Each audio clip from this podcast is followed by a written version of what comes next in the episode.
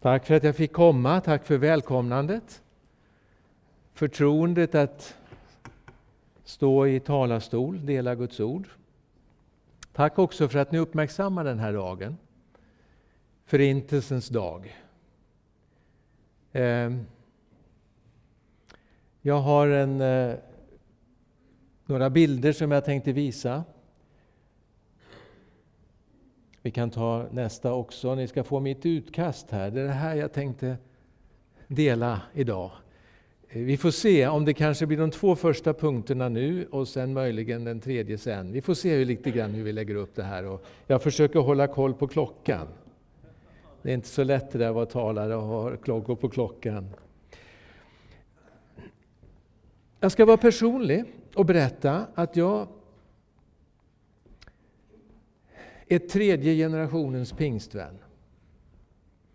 Mina föräldrar på pappas och mammas sida var andra generationen och så finns den första. Så jag är rakt nedstigande led, så att säga, tre generationer. Jag, jag gick, jag var döpt som nioåring. Och när man predikade, då kände jag, jag vet inte om det någonsin sa så, men som liten, som barn, då kände jag att när man talade här och ofta läste texter från Gamla Testamentet, för så var det. Predikade mycket om gestalterna, personerna i Gamla Testamentet. Då kände jag, det där är min släkt. Alltså man talade på ett sådant sätt om Abraham så jag kände, ja men det är ju min farfar. Han var död innan jag var född, men jag tänkte, det måste väl vara någon. Om någon så är det väl Abraham som är min farfar. Och David, kung David, han var ju lite både si och så, men han var ju liksom en sån där hjälte. Han, han var som min farbror kände jag. Olle, fast 2.0. Alltså, det var min släkt. De var inte främlingar för mig. Utan jag på något vis delade den här historien och då fattar jag ju inte att det är flera tusen år emellan. Men Bibelns värld och det judiska folket, ja, jag var en del av det. Det var den känsla jag, som skapades i mig, den förståelse. Och sen när jag läst Bibeln på egen hand har jag sett hur otroligt riktigt det är. Alltså Förintelsens dag, eller minnet av Förintelsen. Mitt intresse för Bibeln det tog mig till studier och så småningom till Jerusalem. Och det här är mer än 40 år sedan, då kom jag till Jerusalem. Då mötte jag för första gången, mig veteligt, en jude. Jag hade ju gått i församlingen som jag berättade om. Jag var väldigt aktiv hemma i, i Södertälje. Och, otroligt aktiv. Och det var en väckelsetid och, och liksom eh, den kristna verksamheten. Och vi, jag var väldigt intresserad av Bibeln. Och sen kom jag till till Jerusalem. Och det är möjligt att jag har mött judar, i, jag säger inte det, i studier och i olika sammanhang i Sverige. Det är möjligt, men jag visste inte om det. Jag hade aldrig pratat, aldrig resonerat om judar. Men jag hade ju hört rätt så mycket om judar och om hur judar tänker. Det hade jag hört väldigt mycket om, men jag hade aldrig pratat med någon. Tänker ni på problemet? Det är lätt att tala om andra som man aldrig har mött. Det är lätt att ha bilder av hur andra människor tänker utan att man ens har pratat med någon. Och det är väldigt riskabelt. För det kan vara så att när man väl möter den människan som man tror att man har en uppfattning av, rätt uppfattning om, då kanske det punkteras rätt många utav bilderna och i vissa saker kan man inse att det här var en ren fördom, det här var en ren okunskap. Och sen var jag helt omedveten om en massa saker som ingen hade sagt. Alltså nu vill jag direkt från det här vidga och tänka på, vi, må, vi lever i en mångkulturell, välsignad tillvaro. Gud har skapat inte bara en kultur, Gud är mångfalden. Jag åkte inte genom ett eh, snöväder hit. Det kanske är på väg eh, när jag ska åka ikväll. De har ju sagt det, prognosen är. Men i ett snöoväder finns det inte två snöflingor som är lika. Man tycker annars att det vore väldigt praktiskt av Gud att göra kopior. Va? Alla är lika. Det finns inte två barr i en barrskog som är lika, som är identiska. Och Gud har skapat oss olika som personligheter. Och kulturer och olikheter, det är någonting som är en Guds välsignelse. Det är lätt att vara främling för, och vara skrämd för, och vara rädd för det som man upplever själv som annorlunda. Men om man får lite självdistans så inser man att det är, det är inte de andra som är annorlunda, utan det är ju jag. Eller hur? Det är ju jag som är udda. För det är fler människor än de som är jag. Så, och evangeliet, tänker jag, det skapar också med oss någonting att vi inte bara tänker på jag och mitt och min värld och den bubbla jag lever i, utan vi är insatta i ett större sammanhang. Och jag tror att det är så här. Och jag kommer snart till en dyster sida. Ni ser på de här tre punkterna. Den första, den är ingen rolig. Men hade den kristna kyrkan i historien haft en annan relation till judar, då kan det ha varit så också att det har varit lättare att acceptera andra kulturer och andra olikheter. Så det här hänger ihop. Fördomar mot judar, fördomar mot andra kulturer. Ska jag vända videon åt rätt håll här så det blir rätt. Bibelns intresse tog mig till Jerusalem. Och då hade jag förmånen att studera en, en termin i Jerusalem och i det så ingick det att man på Pesach, alltså påsken, det vi på svenska kallar påsk, judiska påsken, Pesach. Då skulle man, kunde man bli inbjuden till en judisk familj och fira påskalammsmåltid. Fantastiskt!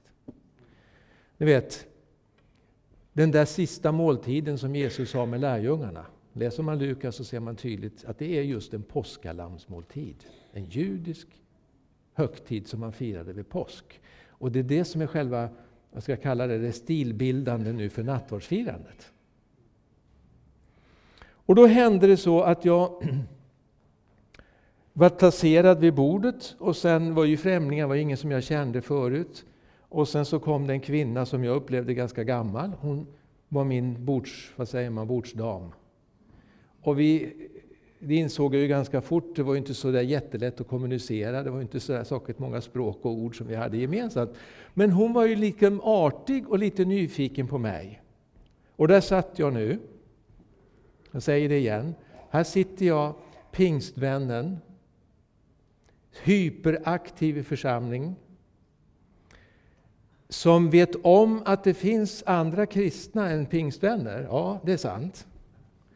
Men som inte känner till särskilt mycket om andra kristna stora kyrkor i världen. Utan jag har ju en ganska naiv syn på att kristen är ju som jag, jag är ganska oskyldig och jag har inte ett förflutet som man måste göra upp med. Teoretiskt har jag hört talas om att det kunde finnas så, men det var inte min erfarenhet. Då sitter den här kvinnan och hon frågar vem jag är. Och jag tänkte, den oskyldige. Och sen berättar jag. Jo, men jag är ju en kristen. Och får den ungefär, nu var det lite överdrivet, men den kroppssignalen, kroppsspråket talar att ordet kristen i hennes sammanhang var laddat. Och då ramlar den där poletten ner. Alltså ordet kristen, som för mig var en bekännelse på tron på Jesus, det var för henne, då får jag nästa bild. Då fick jag förklaringen, för henne var det den här intatuerade armen. Så hon visade. Inte för att jag skulle skuldläggas. Inte för att jag skulle göras skyldig. Jag var inte ens född när det här hände. Det där är alltså tatueringen på en arm som de som satt i lägren fick. För då upphör de att vara en individ, då är de ett nummer. Och det numret bara väntar på att maskinellt, i industriell form, avrättas. Under tiden kunde man utnyttjas på olika sätt. För henne blir då korset symbol. 70-talet, den som kommer ihåg det, då sjöng vi en sång. Ta korset, kärlekens sköna symbol. Den var så lagomt kärleksfull i hennes värld. För hon förknippade inte korset med den kärlek som Gud visar genom att ge sitt liv. Utan för henne var det mera frågan om kanske korståg. Framför allt hakkorset. Och då kan jag säga som pingstvännen där, ja men det var ju inte jag, det var ju dem. Alltså min kristna tro är inte sån, utan det var de där kristna som gjorde så. Men jag insåg, jag kan inte gå i försvar. Utan jag måste bara finna mig i den verklighet att ordet kristen associeras lite olika i olika sammanhang. Det är en djup belastning i det judiska sammanhanget. Åtminstone de som har på något vis har varit utsatt för antingen det som hände i Centraleuropa eller i andra sammanhang där framförallt kristna miljöer har skapat eh, förföljelser och antisemitism. Och då är det smärtsamt att veta, nästa bild tack, att den vänstra av de där bilderna, som är från en kyrka, kyrkmålning, den speglar en väldigt vanlig föreställning. Från det andra århundradet kan man dokumentera i text precis vad den där beskriver. Och sen har den följt med i alla århundraden. Jag har mött det i olika varianter, åtminstone på 1900-talet. Nämligen, judarna är gudsmördarna. Det var de som dödade Jesus. Det var de som korsfäste Jesus. Det var de som korsfäste Guds son, Gud själv. De är gudsmördarna. Bilden beskriver en man med den här toppiga hatten med en liten kula eller tofs på som judar skulle ha då på medeltiden. Och en stor hammare, det är väl närmast en slägga. Va? Riktigt tala om, långt skaft. I höger hand och i vänster hand har han en spik som han drar genom handloven på Jesus. Och Det visar ju hur dåliga man var att läsa Bibeln. Hade man läst Bibeln med klara ögon har man ju aldrig hamnat i det här läget. För läser man Bibeln då ser man ju att det var inte det judiska folket som orsakade Jesu död. Utan det är en klassisk kristen antisemitisk anklagelse som är ogrundad i bibeltexterna. Vad står det i bibeltexterna? Det står att det var romerska soldater. Jesus blev utlämnad. Och det är en drastisk händelse. Va? Om en svensk medborgare i något land kommer i trångmål, då är den svenska ambassaden, och regeringen och allt vad du vill, skyldighet att rädda den människan, men man sätter den inte i sticket. Man lämnar inte ut den människan. Det hände med Jesus. Han blev överlämnad. Det är oerhört dramatiskt. Han överlämnades till romarna för att korsfästas. Det var de som var bödlarna. Ja, men var det inte det judiska folket som ropade korsfäst? Och då skulle jag kunna säga så här, den, vi skulle kunna läsa den Matteustexten senare ikväll i bibelstudiet. Jag, jag, jag är öppen för det. Nu tänker jag bara relatera till den. När, läs, när fängslas Jesus och av vilka? Jo, det står att det är de överste prästerna och, de, och eh, eh framförallt saddukeerna eh, och i viss mån de äldste, alltså de ledande och framförallt de som var ledare i templet. De kom överens om att dra Jesus, eh, att, att föra, vad säger man, av, avliva honom. föra bort honom. Men när sker det? Jo, det sker på natten. Getsemane brukar vi ju minnas skärtorsdagen, på natten. Och varför på natten? Jo, då säger evangeliet tydligt. Man sökte att finna en väg att arrestera Jesus på natten. För att inte folket skulle bli oroligt. Därför att det hade hänt på dagen. Då hade de stått upp som en man. 500 000 människor, eller hur många det nu var i Jerusalem, de hade ställt upp och skyddat Jesus. För folket var på Jesus sida. Så den är djupt ohistoriskt, djupt oberättigad, eh, eh, den anklagelsen att det judiska folket kollektivt är ansvariga. Dessutom så la man till, de är det för kommande generationer. En slags evig förbannelse som vilar över judar. Varför berättar jag det här? Jo, därför att det här skapade en jordmån i Europa utav antisemitism. Jordmån. Ett attityd, en inställning som gjorde det möjligt för de som styrde i, i början utav seklet. Den andra bilden den är från Paris. Det finns flera sådana här i Europa. Det är en ung kvinna. Hon har sin motpart, så att säga, den, en parallell här på sidan, den bilden har jag inte med. Då är, det, då är det kyrkan. Det här är den juda, Israel, synagogans folk.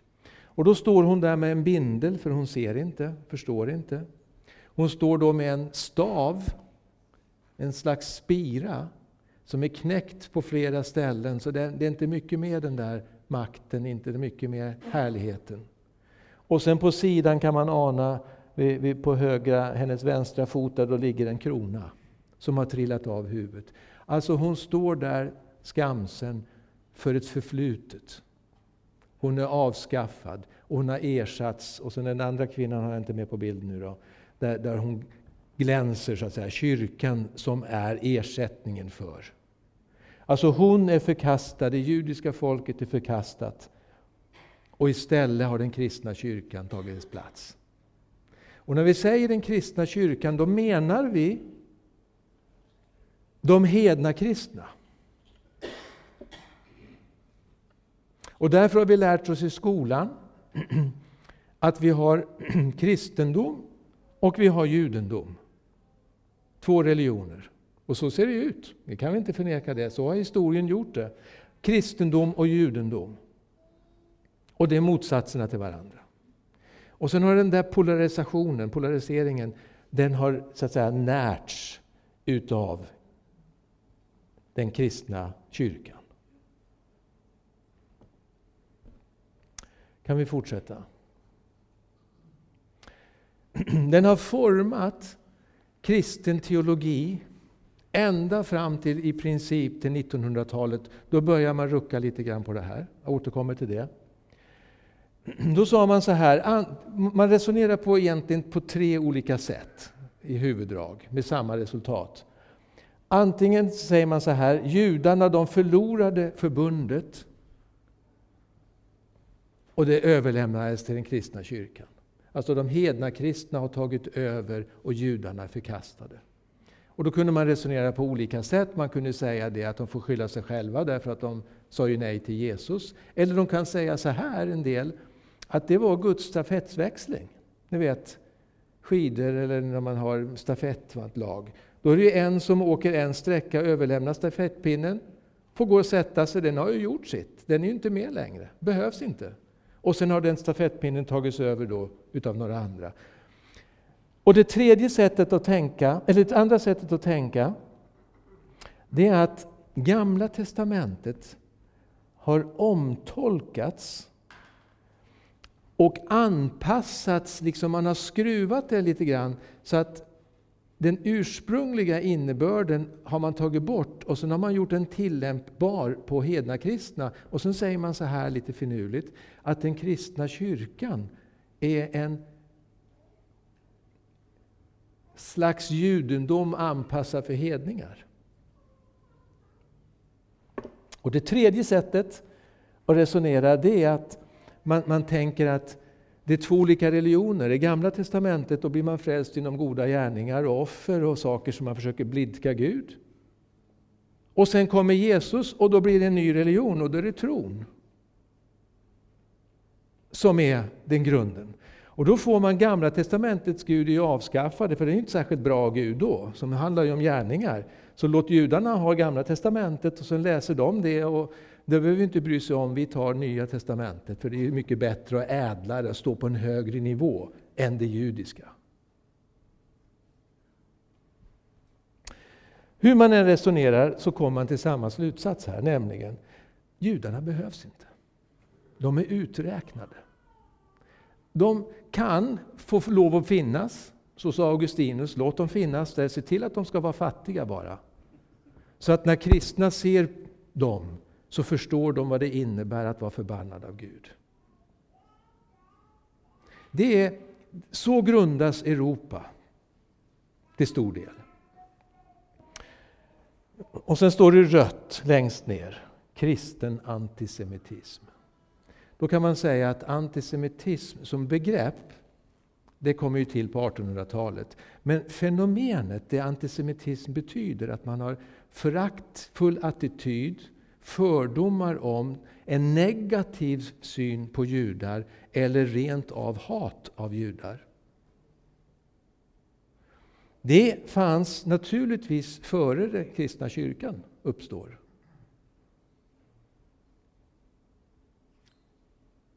Men den raffineras i den kristna miljön. Och den teologiseras i den kristna miljön. Kan vi ta nästa bild? Och då är det här det smärtsamma.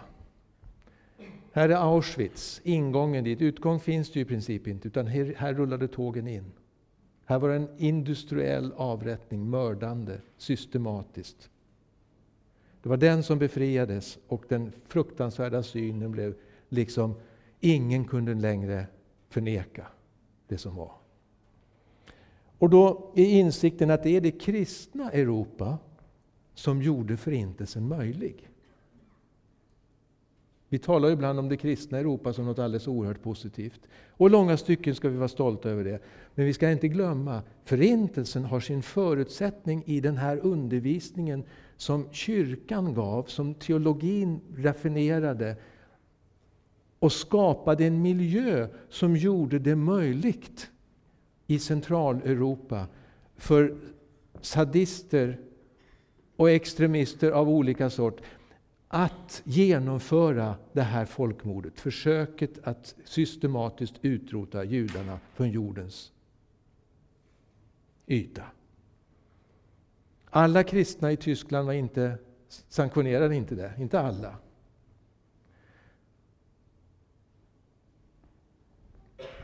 Det här är den mörka bilden. Om vi nu ska tala om den ljusa då. Och då ska vi gå till Nya Testamentet.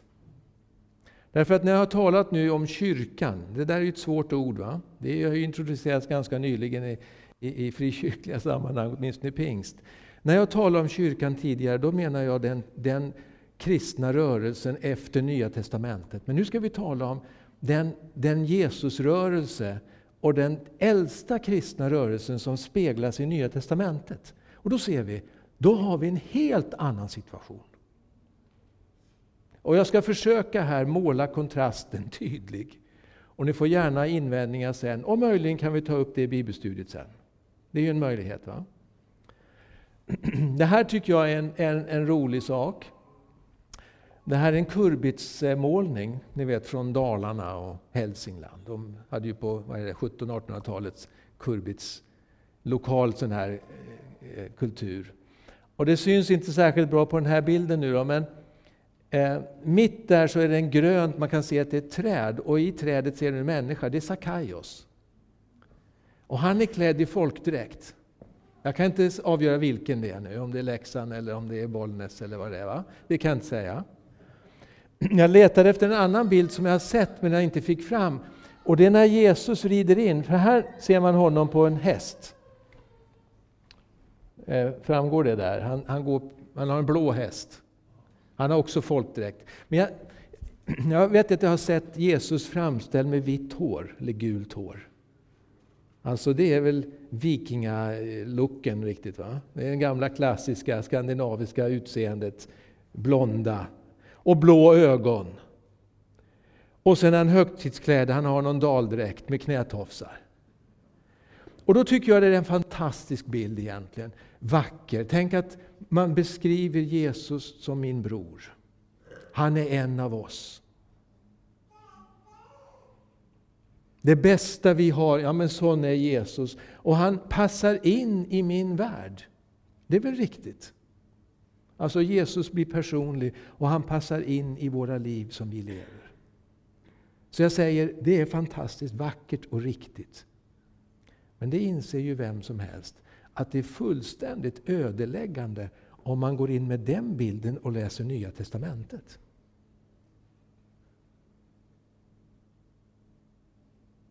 Man måste ju läsa Nya Testamentet.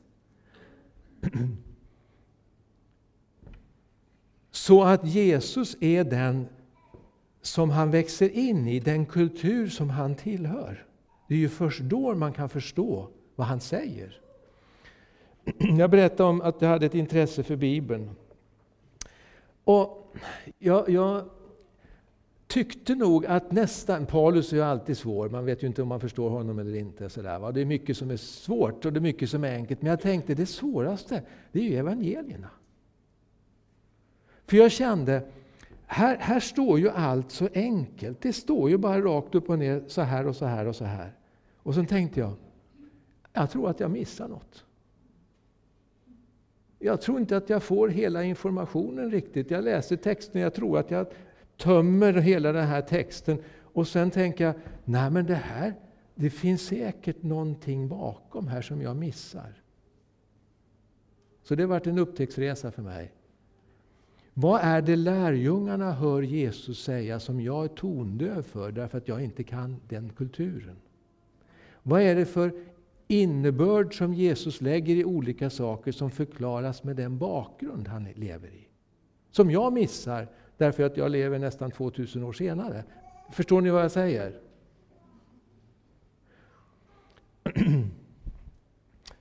Då kan vi byta bild.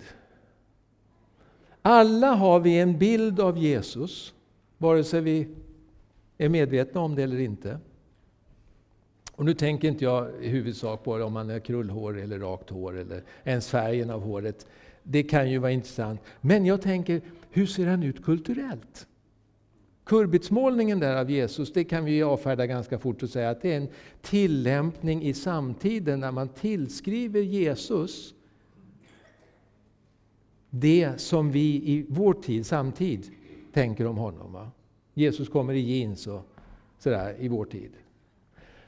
Och då kan man säga att den här vänstra bilden där, det är en målning, en av de äldsta kända målningarna av Jesus för en katakomb någon gång i mitten av 300-talet. Och då kan man ju tänka i Rom, då måste de väl ha koll på det. 300 år. Men 300 år, det är en ganska lång tid. Jag skulle säga att det där är en avbildning utav hur man på 300 eller fjärde århundradet föreställer sig en vishetstalare eller filosof eller, eller någon som är samtida.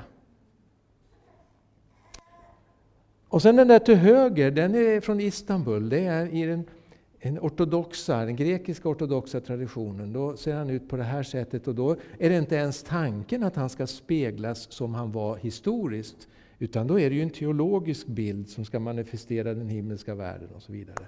Och sen har vi i mitten den som är min farmors sådär, byst som hon hade på, på skänken som jag kommer ihåg som barn när jag tittade på. Tyckte det var lite läskigt, tyckte jag nog den var. Men jag tittade ju på den, så här såg han ut Jesus. Thorvaldsens Jesus. Långt hår. Krulligt hår till axlarna. 70-talet, ni kommer ihåg hur det var då. Det var ju kortklippt va? Och sen blev modet där ute att man skulle ha långt hår, över öronen och även längre. Och det har varit lite kontroversiellt ibland i församlingen. Men Torvaldssons Jesus, var alltid oomdiskuterad.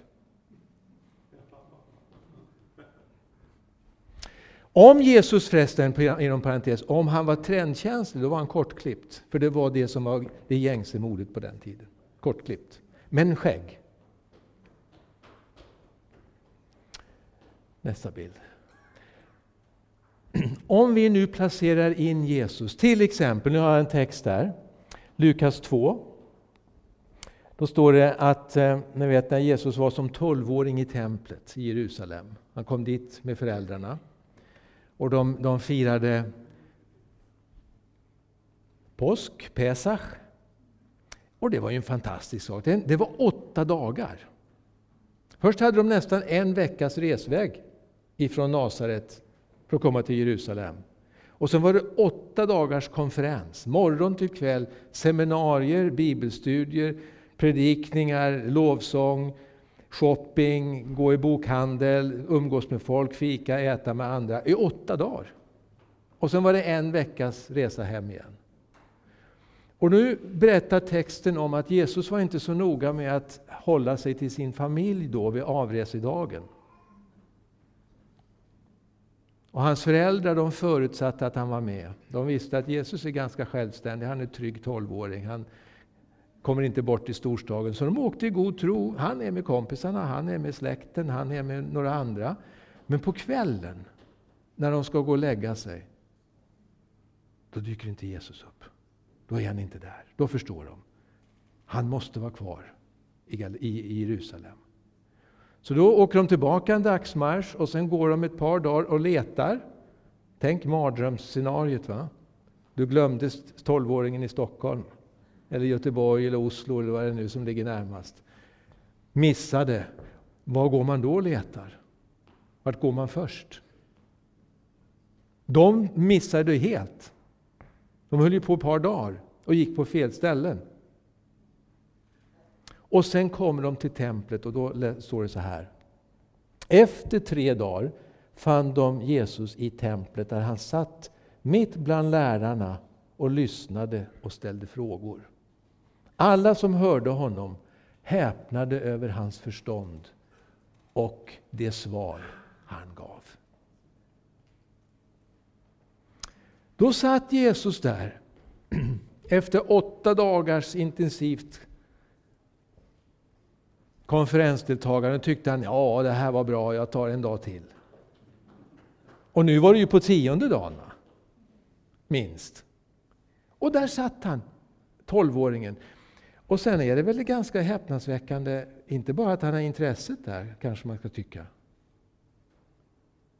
Men han sitter och deltar i det vuxna samtalet. Han borde väl ha lärt sig något hemma och hålla tyst när de vuxna pratar, eller? Nu för vi andliga samtal här, nu kan ni hålla en video eller göra något annat va, medan vi håller på. Det här, det här är viktigt, nu ska ni inte störa. Men då har Jesus alltså gått i skolan, sett in honom i det historiska sammanhanget nu. Då börjar man i skolan vid sex eller fem års ålder. Jesus är tolv, han har gått sju år i skolan. Vad läste de i skolan? De började med tredje Mosebok och lärde sig alfabetet och läsa texten. Vartefter de läste texten så memorerade de in den. Så när de hade gått ur vid sju års ålder så var den genomsnittliga kunskapen man hade att de fem Moseböckerna kunde man som ett rinnande vatten. Säg tre ord, då vet de exakt vilket passage någonstans det är. Det fanns ju inga kapitel och verser. Va? Men säg några ord, då vet man precis i vilket textsammanhang man är kunde profeterna Jesaja, Jeremia, Hesekiel, tolvprofeterna. Det mesta utav det kunde man utan till.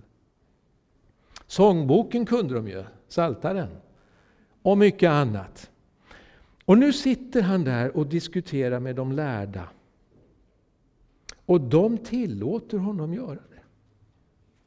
inte det märkligt? Varför säger de inte det? Föräldrar, kom och ta, ta hand om honom nu. Det här, så här kan vi inte ha det. Utan de sitter och för ett samtal och sen säger de att de är förvånade över. Det betyder ju att de har gjort det här förr. De har pratat med andra tolvåringar och kan lite grann avgöra nu var Jesus befinner sig. Och de säger att de är imponerade av flera saker. Förståndet, insikten han har. Men vad är det mer?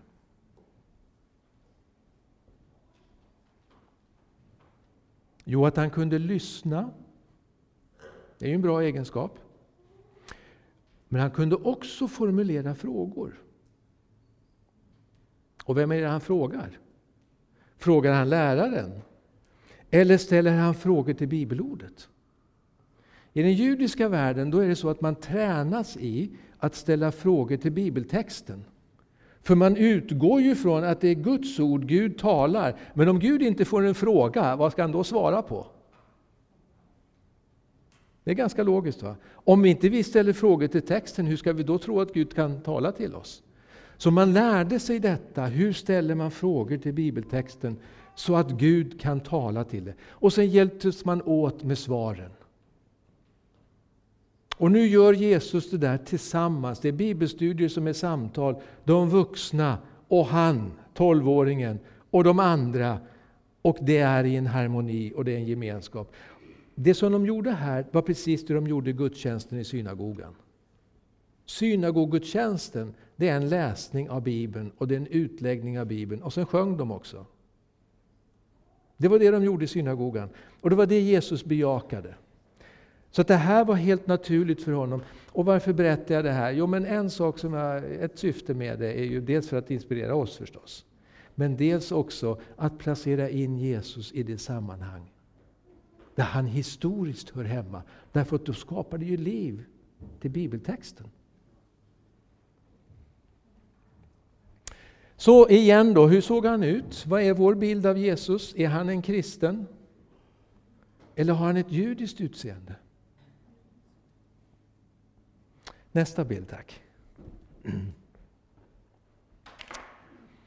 Längst ut i hörnet så kan man se en målning, och det är också från en katakomb, typ 300-talet i Rom, så långt jag vet.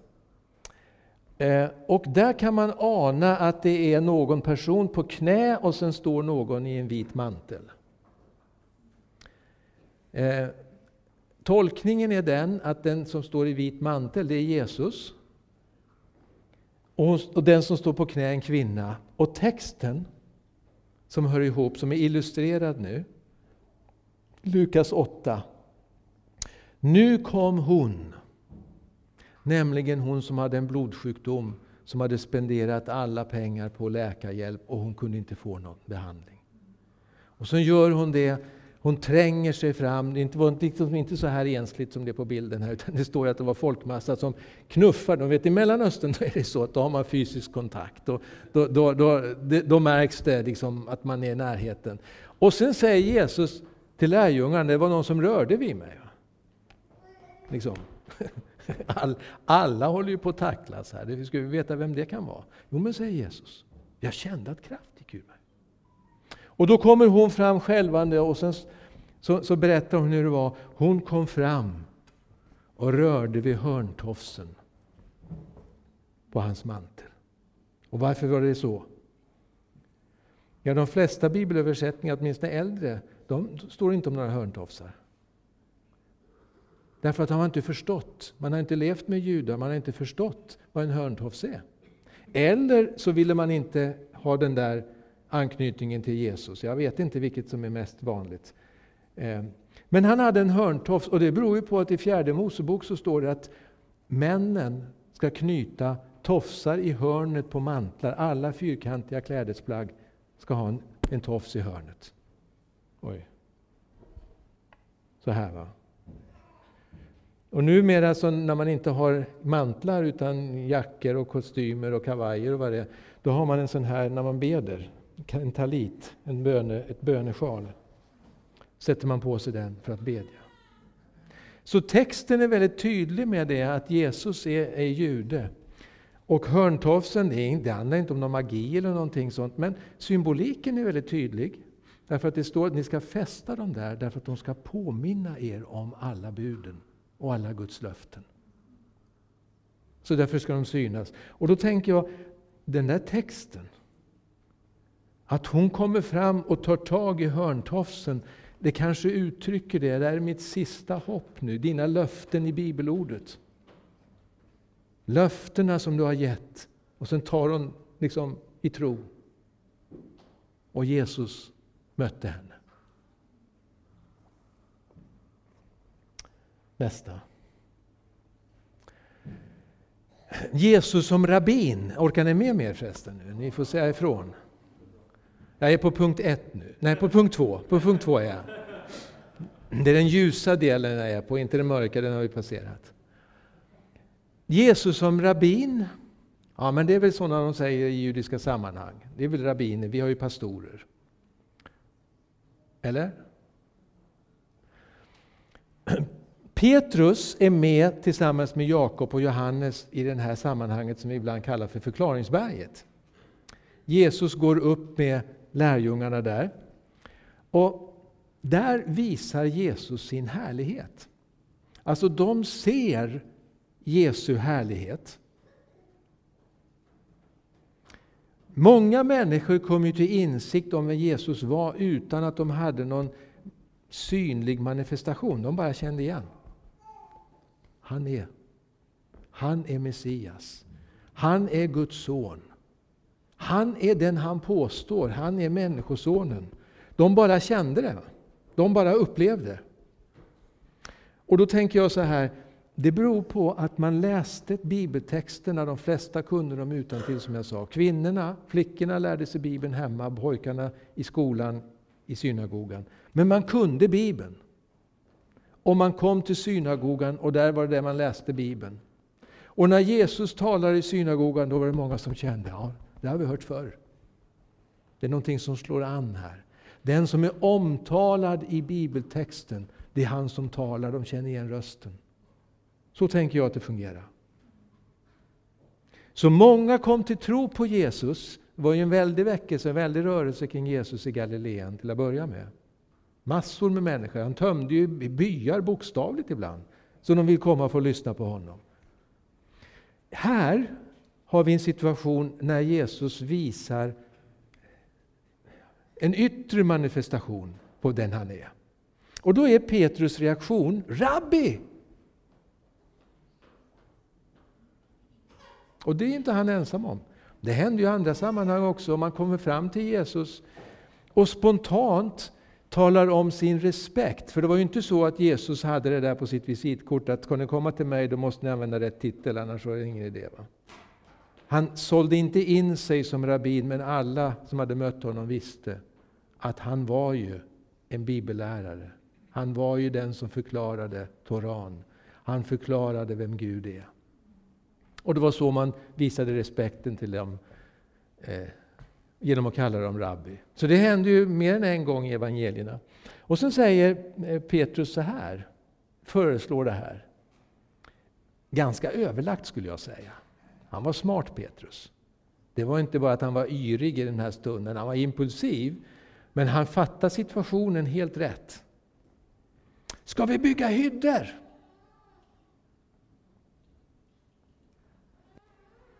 Om man sätter in det i det judiska sammanhanget, då vet man ju att en gång på år, varje år, så sov man i hyddor under lövhyddehögtiden. heter på hebreiska sukkot, och sukka, det betyder lövhydda. Och det finns tre vallfärdshögtider, jag nämner det nu för det är bra, jag kommer till det.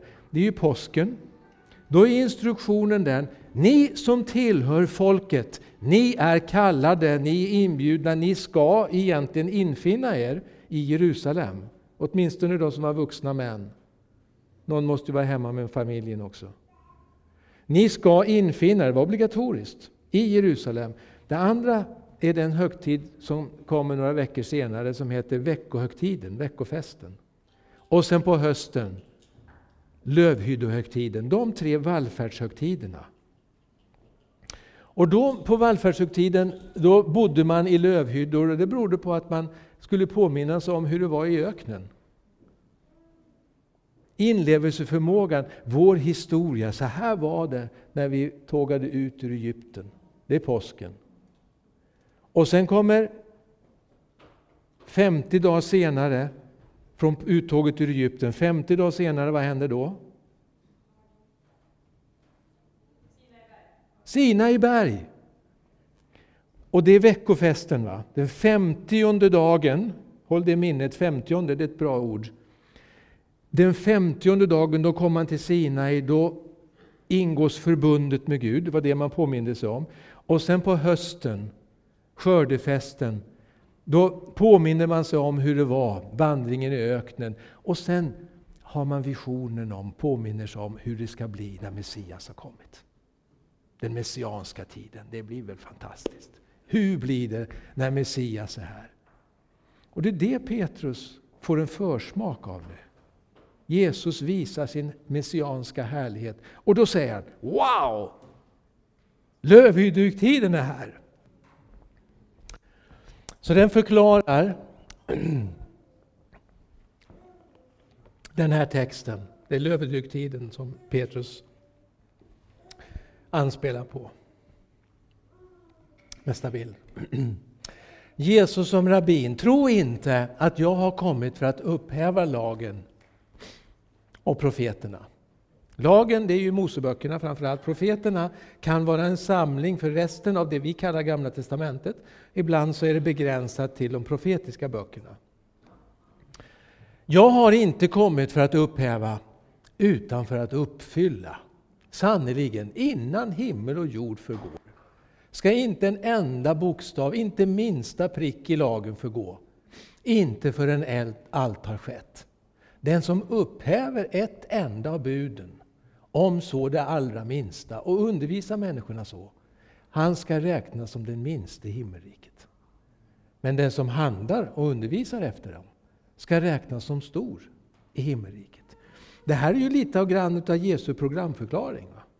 Missförstå mig inte. Kanske vill han säga det till en del. Missförstå mig inte så att ni ska tro att jag är någon reformator här som ska skruva om Mose till någonting annat. Jag har inte kommit för att upphäva. Eller andra som hade andra tolkningar. Och då kan man se, om man skulle gå vidare i bergspredikan, då ser man att i fortsättningen här så är det sex olika exempel Jesus tar där det finns en teologisk diskussion i Jesus samtid. Det fanns olika uppfattningar om hur man ska tillämpa det här. Och då var det naturligt att man kom till Jesus och säger, hur ser du på det här? En del de har den här förklaringen, de här har den här teologin och så. Hur ska vi se på det här? Och då säger Mose, jag säger det här går vägen. Det är det här Mose menar. Jesus ändrar inte, utan han ger riktningen och innebörden i det som Mose har sagt. Ja, vi kan gå vidare. Ge ytterligare någon, någon exempel. Och nu kommer vi in på Apostlagärningarna och Jesusrörelsen. Jesusrörelsen, jag kallar det inte för, ännu för den kristna rörelsen och ni kommer snart att upptäcka varför. Jesusrörelsen. När pingstdagen kom var de alla församlade. Den har jag växt upp med, den texten. Som sann pingstvän. Fantastisk text. Och det är nästan så att jag upptäcker nya saker varje gång jag läser det där, på ett sätt. Nu står det så här, om man ska läsa det ordagrant, så står det den femtionde, när den femtionde dagen kom, var alla församlade. Och då säger man, ja men vadå, det är ju fullständigt obegripligt, den femtionde. Nej men vad var det vi sa för en stund sedan? Femtionde dagen från när då? Från påsken va? Från påsken, femtionde dagen. Jesus han dör vid påsken. När Israels uttåg ur Egypten och påskalammet och allt det här, då uppstår han. Och vi firar ju som kristna att Jesus uppstår, men judarna på den tiden firar ju uttåget ur Egypten. Men vi kan ju inte förstå Jesu korsdöd om vi inte har den judiska påsken där. Det är obegripligt då. Och sen är det 50 dagar, vad hände 50 dagar efter uttåget ur Egypten sa vi förut? Sinai. När den femtionde dagen kom, vad hette högtiden då? Veckohögtiden, va? veckofesten, Shavuot.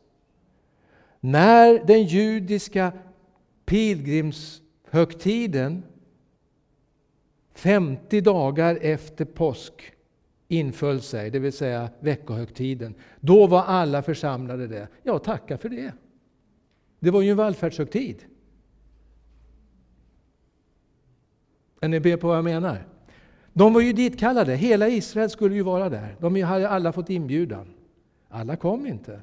Men vi har ju åtminstone 15 språk representerade på pingstdagen. Judar som kom ifrån diasporan, från förskingringen. Ungefär 75 procent av alla judar vid den här tiden de levde utanför Israels gränser, utanför Galileen och Judeen. I diasporan kallar man det, förskingringen. Då hördes plötsligt från himlen ett dån som av en stormvind. Och det fyllde hela huset där de satt. Nu sitter de i ett rum. Tungor som av eld fördelade sig och stannade på var och en av dem. Alla fylldes av helig ande och började tala andra tungomål med det ord som anden ingav dem. Finns det något annat, annan historisk tilldragelse i Bibeln som på något vis påminner om de här visuella och vad ska vi kalla sinnesintrycken? Va? Hörseldånet och tungelden och, och eh, ja, dånet, elden och vad har vi mer? Stormvinden. Finns det någon annan händelse i Israels folks historia som påminner om det? Brinnande busken, ja. Och i ännu mer form på samma ställe som den brinnande busken. För Gud säger till Mose, nu ska du vara en ledare och ta hela folket hit. Sina i berg. När Mose stiger upp, det var samma fenomen. Tänk då att den här högtiden firar minnet av det som hände vid Sinai. Så det sammanfaller nu. När den heliga Ande kommer över det förnyade Israel. Anden kommer över. Och nu är det inte bara en och två, vissa personer, utan nu står det av allt kött får del av den heliga Ande. Det är en bra timing när Anden nu kommer över församlingen. Det är bra liksom precis på rätt dag, så det ska stämma med den bibliska almanackan. Kan vi ta nästa? I Jerusalem bodde fromma judar från alla länder under himlen. När dånet göd samlades hela skaran och förvirringen blev stor när var och en hörde just sitt språk talas. Alltså alla var samlade.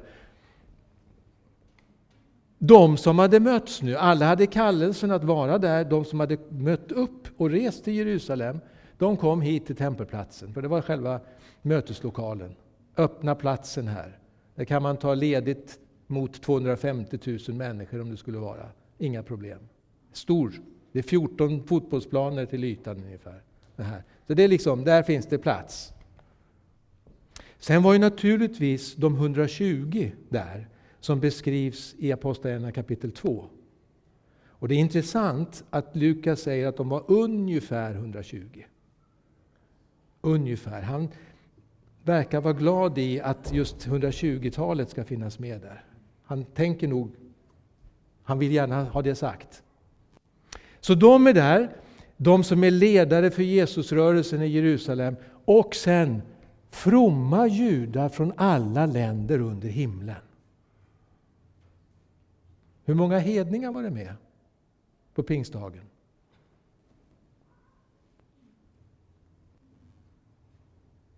Alltså jag läste ju den här texterna när jag växte upp.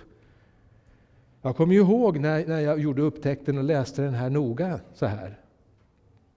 Och inser det att här står det ju att det var judar som var där. För jag hade alltid läst det här som att Gud fenomenalt skickligt gjorde att där var det tyskar och japaner och koreaner och sydamerikaner och alla olika tyska, alltså alla nationer var där på något sätt. Men bibeltexten, det fick jag ju böja mig för när jag såg den, står det ju uttryckligen att det var judar som bodde där. En del bodde där längre tid, andra var där på besök. Många immigrerade, gjorde sin alia till Israel. Ungefär kanske 15 eller 20 procent av Jerusalems befolkning de talade grekiska som modersmål. Och det ser vi också i församlingen så småningom, sjätte kapitlet. Då har de en hel avdelning där med grekisktalande. Jag tror jag ska runda av strax, jag kommer till någon punkt till här, är det okej? Okay? Var och en hörde, just det, då tar vi nästa. Jeremia har talat om detta. Det nya förbundet. Jag ska sluta ett nytt förbund. Med vem sluts det nya förbundet? Det är en klassisk lära i kristen teologi att Gud sluter det nya förbundet med den hedna kristna kyrkan. Men bibeltexterna säger något annat. Nya förbundet sluts med det judiska folket, med Israel och Juda. Och när Jesus firar nattvarden med församlingen, apostlarna, så säger han detta är det nya förbundet i mitt folk. Då var det apostlar, det var judar som var närvarande. Det bekräftas på pingstdagen. Vi kan ta nästa bild.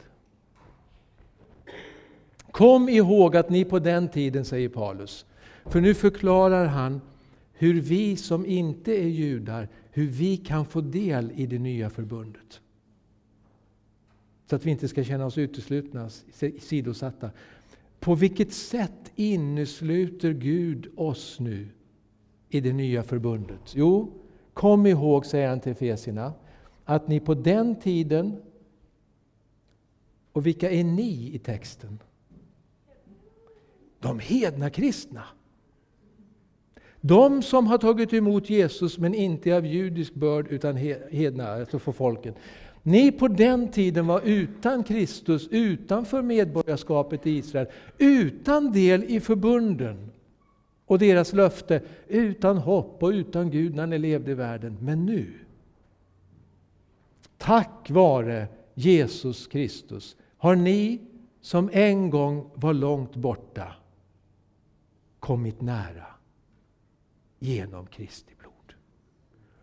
Och där sker det revolutionerande. Jag ska bryta den här framställningen nu och sen kan jag ta den fortsättningen här. Hur det går till, för det beskrivs i Apostlagärningarna, hur det här går till. Att vi kommer med i Jesusrörelsen. För då uppstår också ordet kristen. I det elfte kapitlet i Apostlagärningarna då myntas begreppet kristen. Då blir det en kristen rörelse. Så här långt är det en inomjudisk rörelse. Men vi har bjudits in. Och varför berättar jag det här? Jo, på för förintelsens dag, minnet av förintelsen, på den dagen, är det kanske avgörande för oss kristna bekännare att förstå att vi är beroende av det judiska folket. Hade det inte varit för dem hade vi inte suttit här. Om det inte är för dem så skulle vi heller inte ha fått del i det nya förbundet. Ja, men det var Jesus som öppnade det. Ja, det är sant. Men förbundet slöts med det judiska folket och vi har fått del i det. Vi har inte förbundsnyckeln, vi har inte förbundsavtalet med oss. Det delar vi. Vi är insläppta. Vi, sitter, vi har inte förhandlat, vi har inte kontraktet. Det är det judiska folket som har det. Men vi har fått del utav det. Och nu är det inte frågan om A och B-nivåer här. Vi har samma villkor. De har förvand, för, förvaltat, vad säger man, förhandlat till sig ett avtal med goda villkor. Och vi får del av samma villkor på samma sätt. Allt därför att Jesus gav sitt liv på korset. Så vi är välsignade på grund av det judiska folket. Att den kristna antisemit, antisemitismen har fått ett sånt eh, starkt fäste och ut, utlopp i den europeiska kulturen. Det är en fullständig gåta. För då har man inte förstått evangeliet. Då har man inte förstått vad frälsningens innersida är. Vi är djupt beroende av judar.